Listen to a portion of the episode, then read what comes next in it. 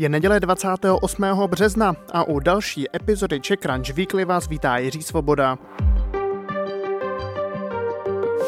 V tomto podcastu mluvíme o tom nejzásadnějším ze světa biznisu, lifestylu a technologií za poslední týden. Více o všech tématech také na webu ccweekly.cz. Dnes se dozvíte třeba o blockchainovém fondu Rockaway, úspěchu českého e-sportového startupu nebo právě začínajícím sčítání lidu 2021. Partnerem dnešního podcastu jsou ceny SDGs 2021 od Asociace společenské odpovědnosti. Oceňují projekty, které míří k naplňování cílů udržitelného rozvoje od OSN a nechávají tak Česko stoupat k lepšímu. Přihlaste svůj projekt do konce března na společenská odpovědnost.cz a získejte cenu v kategoriích biznisu, vzdělání nebo mladých lídrů. Crunch je mediálním partnerem akce.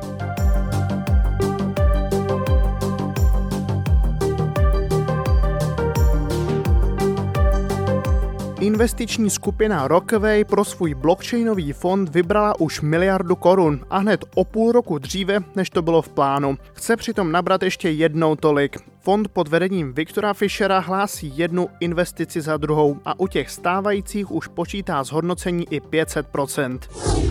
Český startup Odin, který predikuje výsledky e-sportových utkání, nabírá desítky milionů korun.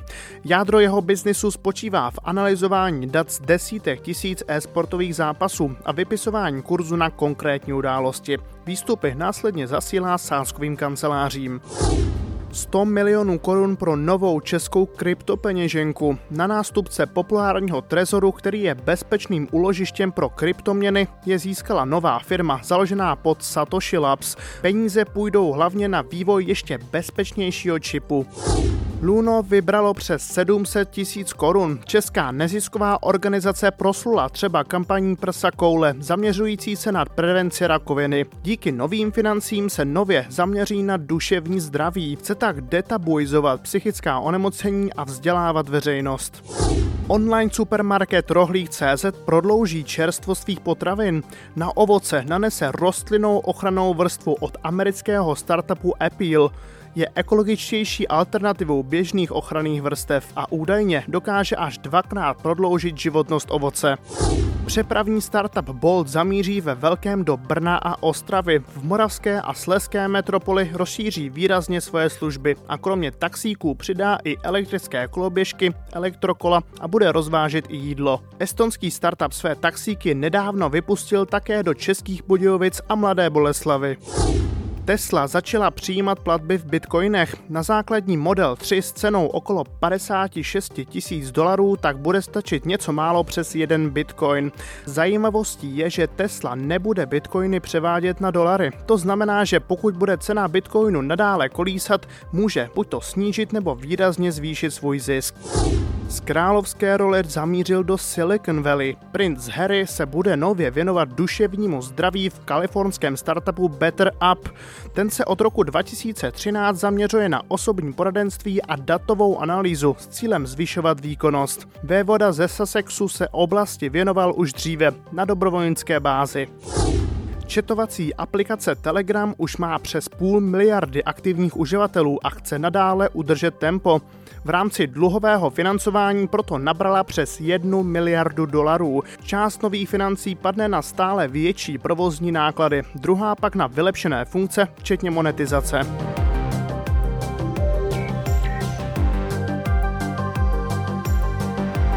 A vybíráme taky téma, které bude v příštích týdnech hýbat českou společností.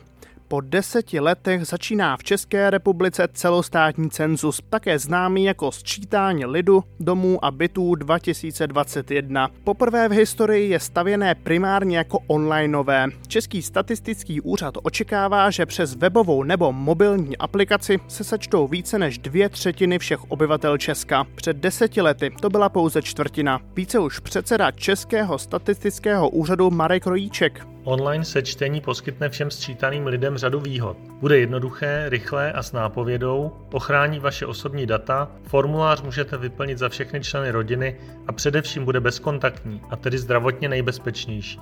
Digitální doba přispěla ke zjednodušení i v dalších detailech. Dotazník bude celkově zhruba poloviční oproti roku 2011. Statistici už se například nebudou dotazovat na věci, které se týkají majetkových poměrů. Maximálně také využili už existujících státních registrů. Budou se proto ptát primárně na údaje, které nelze zjistit jiným způsobem a jsou podstatné pro veřejnou zprávu. Důvodů, proč je i v moderní době stále potřeba sčítání, je celá řada.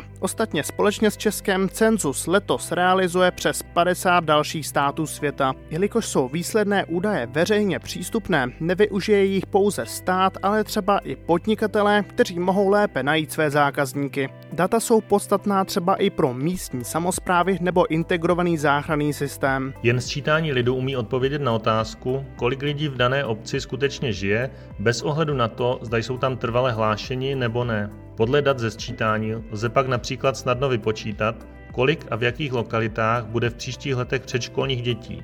Obce tak získají přehled o tom, jaká bude nutná kapacita tříd ve školkách a jak ji v budoucnu naplánovat. Do letošního cenzu se pochopitelně podepsala i pandemie koronaviru. Mluvčí Jolana Voldánová pro Čekranč řekla, že s variantou odložení celé akce úřady nepracovaly, ale přijali potřebná opatření. Tak například pokud pracujete aktuálně z domova, na otázku o dojíždění do práce byste měli odpovídat tak, jako za normální situace. Sčítání 2021 začalo online 27. března a potrvá do 9. dubna. Vyplňuje se najednou za celou celou domácnost. Lidé, kteří nepoužijí online formulář, budou muset v příštím měsíci splnit zákonnou povinnost pomocí papírových formulářů. Veškeré další informace pro občany připravili úřady na adrese sčítání.cz.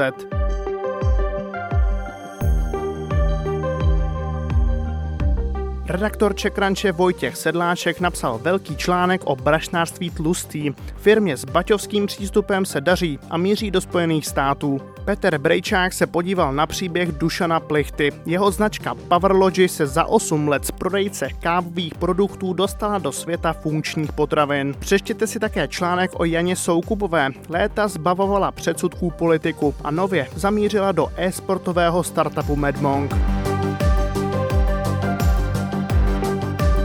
To byl dnešní přehled Czech Weekly. O všech zmíněných tématech si přečtěte více na ccweekly.cz.